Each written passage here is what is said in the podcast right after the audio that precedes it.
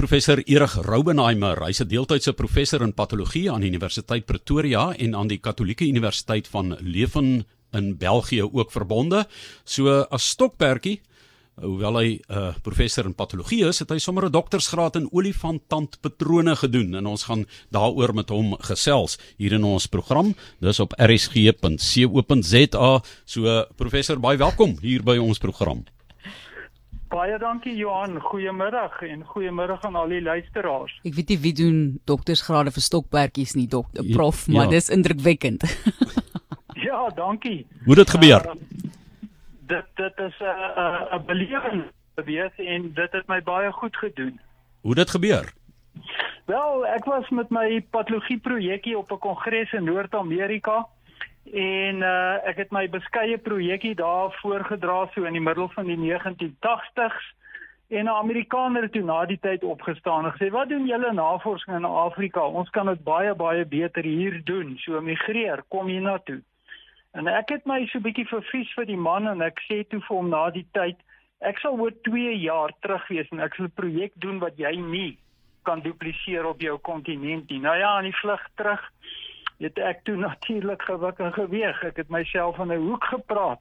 Maar gelukkig het 'n tandarts in Witrifuur, Leon Maree, het vir my toe 'n deur oopgemaak in die Kreer Wildtuin en op daai stadium het ek toe vir Fossie ontmoet, uh Dr. Valerius de Vos wat vir my toe ehm um, ingelei het daar met uh, verskeie navorsingsprojekte en die enetjie wat ek toe die Amerikaner mee koud gesit het was die speekselklier van die olifante. Dis twee kliere wat elk omtrent 7.5 kg weeg en wat die grootste eksokriene kliere in die diereryk is en op daai stadium was die studie van kliere baie baie populêr in die mediese literatuur en ek het toe beskryf hoe dat die speeksel gesekreteer word en dat daar tot soveel as 50 liter speeksel per uur deur die twee kliere afgeskei word wat natuurlik gesluk word en wat dan behulpsaam is met die ehm um, met die uh, uh lubrikasie, die smering van die 3 tot 400 kg droë gras en blare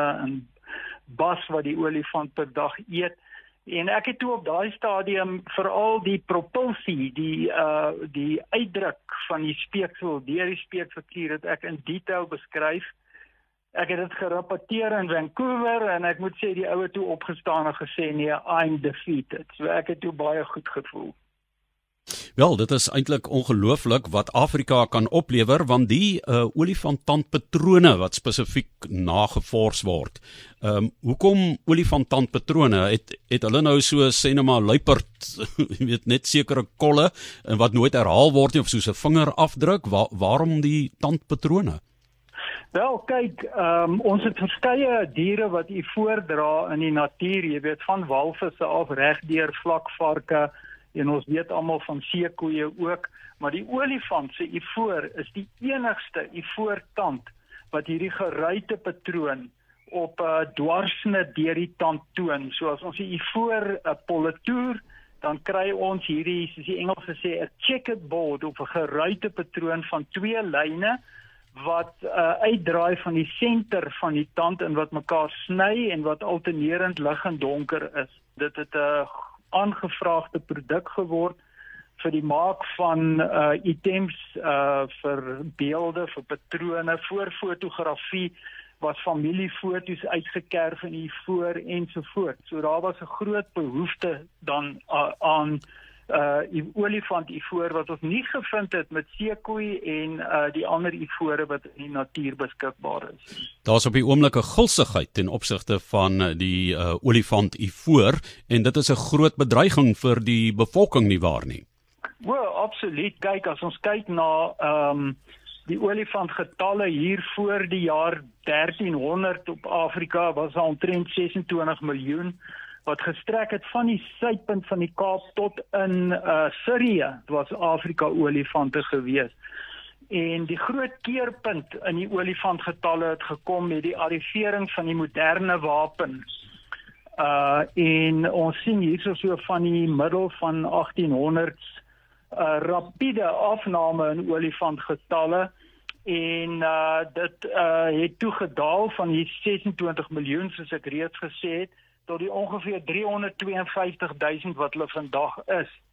En hierdie 352 000 wat getel deur 'n ou met die naam van Karel Allen van Vulcan Industries in Amerika en uh, hy het die projek befonds waar hulle die hele Afrika met vaste vlek vliegtye gevlieg het, elke vierkante kilometer getel en hulle toe op die uh, patroon gekom. En ek dink die faktore wat vir ons baie baie skokkend is, is dat die afname is 8% per jaar. So as ons kyk na die grafiek wat nou reguit getrek word, dan kan ons dink dat binne 'n paar dekades is daar geen olifante meer oor nie. Dan is ons in die situasie wat ons vandag met die swart renoster is. So ehm um, dit is dit is die probleem wat ons het, maar nou die die ehm um, die ongelukkig ongelukkige waarheid is dat in Suider-Afrika neem die olifantgetalle geweldig toe. Soos ons weet in die Kreerwiltuin, Madikwe en ander parke wat een olifant per 1.5 km het in die Kreerwiltuin is dit nog steeds uh minder as dit, maar dit is 'n baie kritiese uh, een olifant per 3 vierkante kilometer. So in Suider-Afrika sal daar ongelukkig uh projekte van stapel gestuur moet word om olifantgetalle te verminder, want ons het die olifante ingekamp in uh in klein hokkies.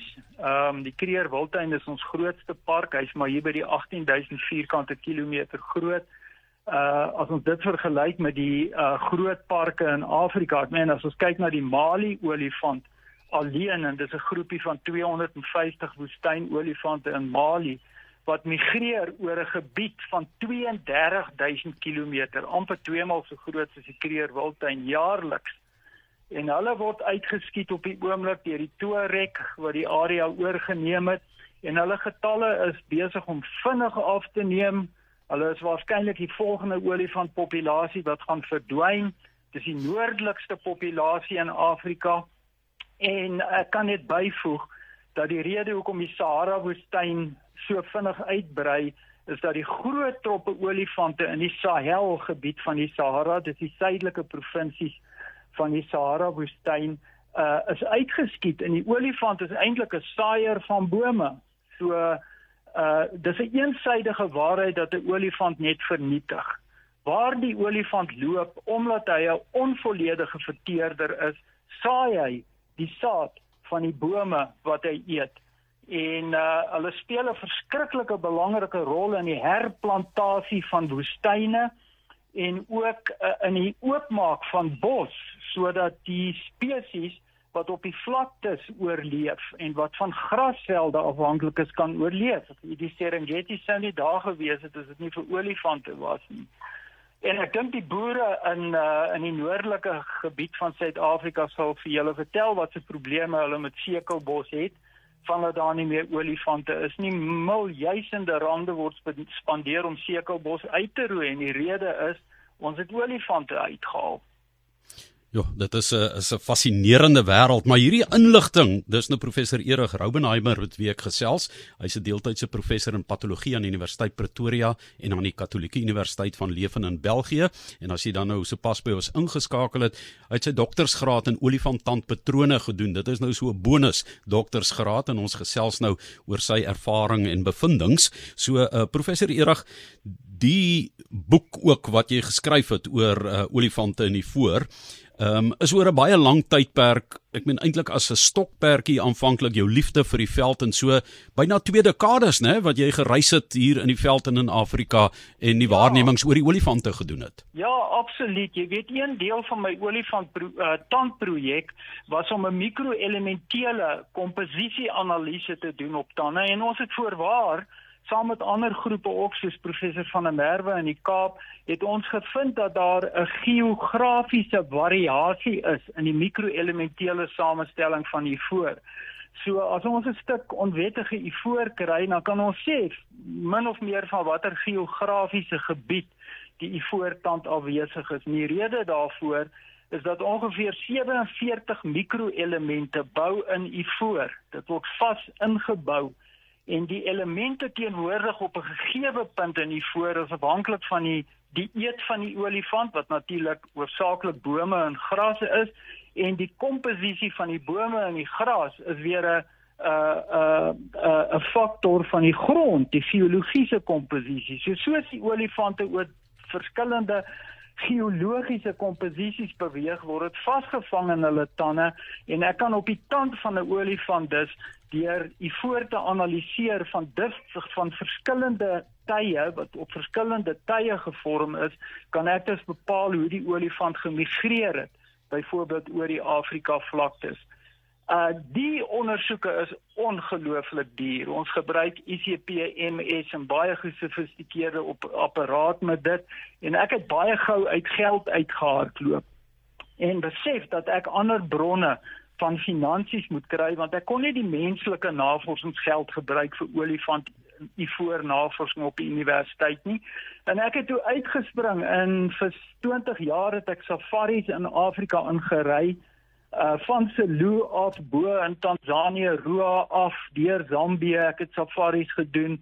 En daar's nie 'n pad in Botswana wat ek nie getrap het nie, jy weet, en ek is baie vertroud met die Kavango olifante. Daar's op die oomblik 290 000 in die Kavango gebied wat amper meer as 3 kwart van die totale olifantpopulasie van die totale Afrika is, net om jou 'n idee te gee van hoe min olifante in die res van Afrika oor is.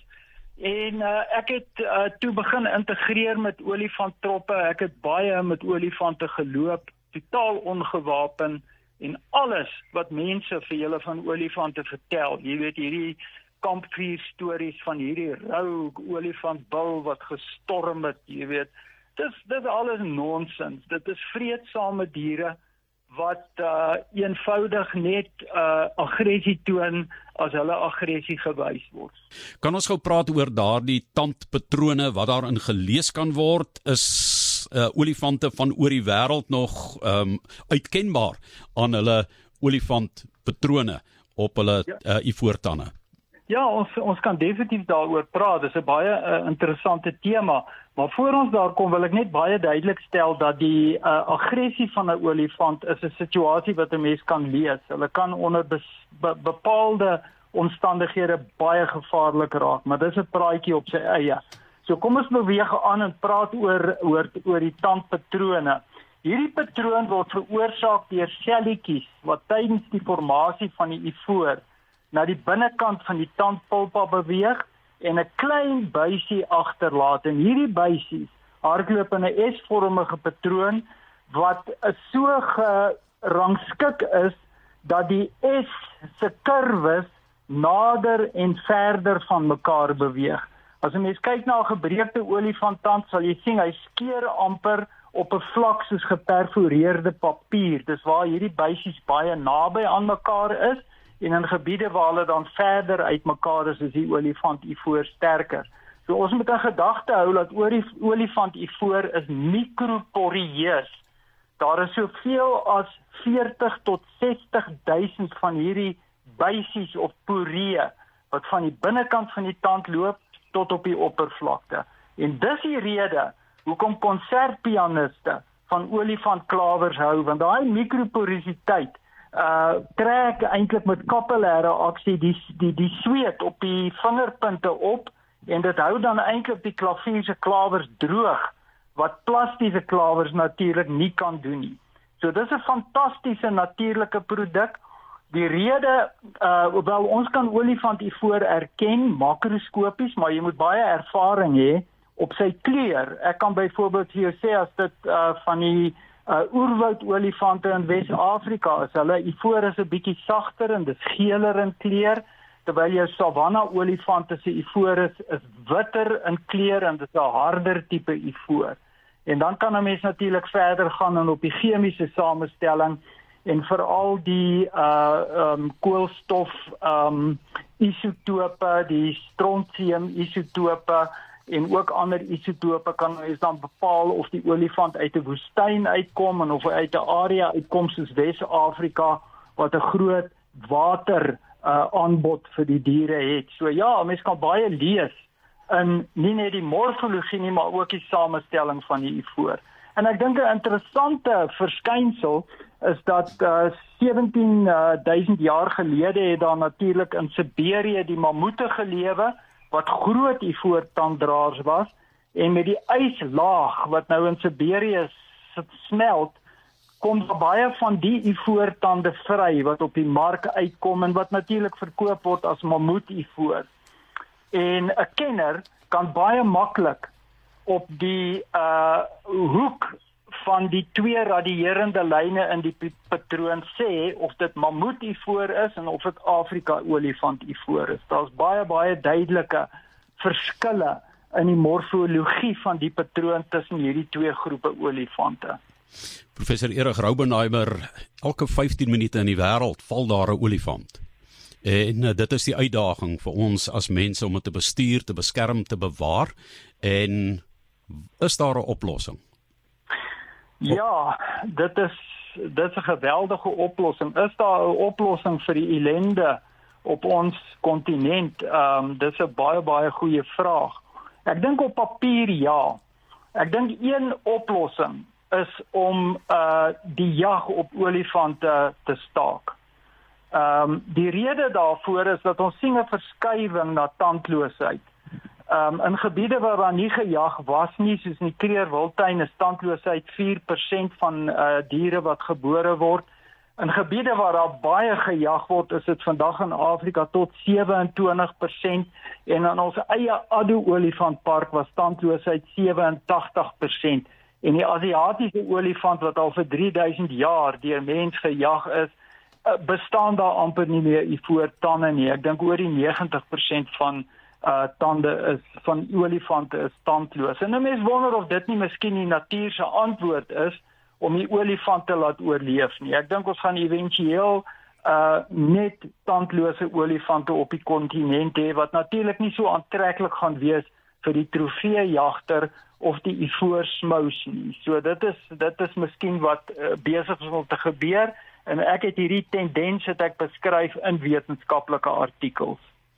Geen net weer vir ons die olifantbevolking in die wêreld en Suid-Afrika 'n groeiende bevolking wat natuurlik 'n groeiende uitdaging gaan wees om dan die ivoor ook waar die die bevolking die beste ontwikkel te beskerm, né? Ja, kyk, ek dink die belangrike aspek is om uh ivoorhandel totaal en al te stop. En ek dink Afrika lande behoort diplomate van lande wat nou nog met ivoorhandel dryf van die kontinent af te sit. Hulle moet verban word. Net so met renosters. Alhoewel ek dink die renoster is al klaar 10 minute na 12. Die olifant is nog 10 minute voor 12. So ons kan dit stop as ons eerstens die totale verbod uh op handel in olifant ivoor totaal kan stop. Die tweede belangrike aspek is om trofeejag uh ook um te stop. Ons weet dat Kenia het die hoë moreel pad gevat en sedert 1973 mag daar nie meer olifante in Kenia geskiet word nie. Uh ongelukkig bring die kommersiële jagter bring geweldig baie geld in vir bankrot lande en elke jaar in Tansanië sien ons as die as die begrotings begin uitloop dan word olifantjagkwotas vrygestel.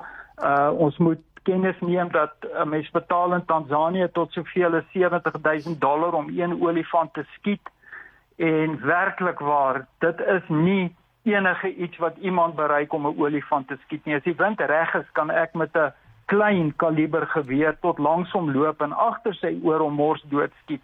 So ek weet nie wie kry 'n skop daar uit nie maar ongelukkig ehm um, is daar uh, ek dink la uh, oor die laaste 10 jaar is daar miljoene dollar inkomste gegenereer in Afrika lande deur jag op op olifante. Ek dink die die uh, beginsel wat ons moet aanvaar is dat 'n olifant behoort nie aan 'n spesifieke land nie. Hulle behoort aan die internasionale gemeenskap want meeste olifante in Afrika mag migreer oor een land In Zambië kan jy sê die Wange olifante behoort aan hulle nie, want daai Wange olifant is oor 6 maande in die Okavango Delta en oor 3 maande is hy in Zambië. So ehm um, ek dink dis een uh verskywing wat moet plaasvind in die denkpatroon van mense. dat olifante behoort nie aan 'n spesifieke land nie, behalwe Suid-Afrika waar ons omheinde parke het. Nou ja, die groot probleem lê met die bestuur van olifante in omheinde parke.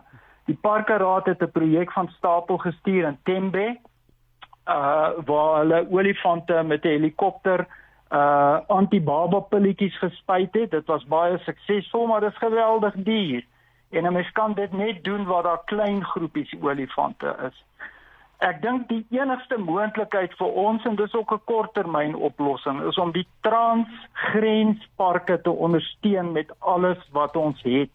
Ons sien dat die transgrenspark van die Kalahari Gemsbokpark het baie goed gewerk, maar ongelukkig die Kreer Wildtuin wat eintlik ons groot probleem met olifantgetalle is, die transgrensbroers, dis Gonarezhou en die Limpopo park in uh Mosambiek is gebiede wat verskillend geadministreer word waar ekotourisme nie toegepas word nie, maar waar die inkomste uit jag uit is. En ek dink weens die verskil in die bestuursbeginsels van die mhm. drie parke, lyk dit my asof die transgrenspark daar nie werk nie. Ehm um, die ene in Mopangupwe het 'n moontlikheid om te werk en dan het ons ook 'n transgrens uh konsep in Noord-Natal, die Lebombo transgrenspark wat miskien 'n redding kan wees vir die olifantgetalle in Tembe. En as ons na die res van Afrika kyk, daar's baie aktiwiteit met transgrensparke tussen Malawi en Zambië. Professor, ons tyd is ongel ongelukkig verstreke, maar ek dink die trans uh, parke waarvan daar gepraat word nou oor grensparke is 'n uh, baie baie goeie voorstel en manier om dit te bestuur. Dit was professor Erik Raubenheimer, deeltydse professor in patologie aan die Universiteit Pretoria en aan die Katolieke Universiteit van Leuven in België op YouTube, 'n pragtige program. Gaan kyk gerus daarna en die skitterende werk wat hy ook mee vorendag gekom het.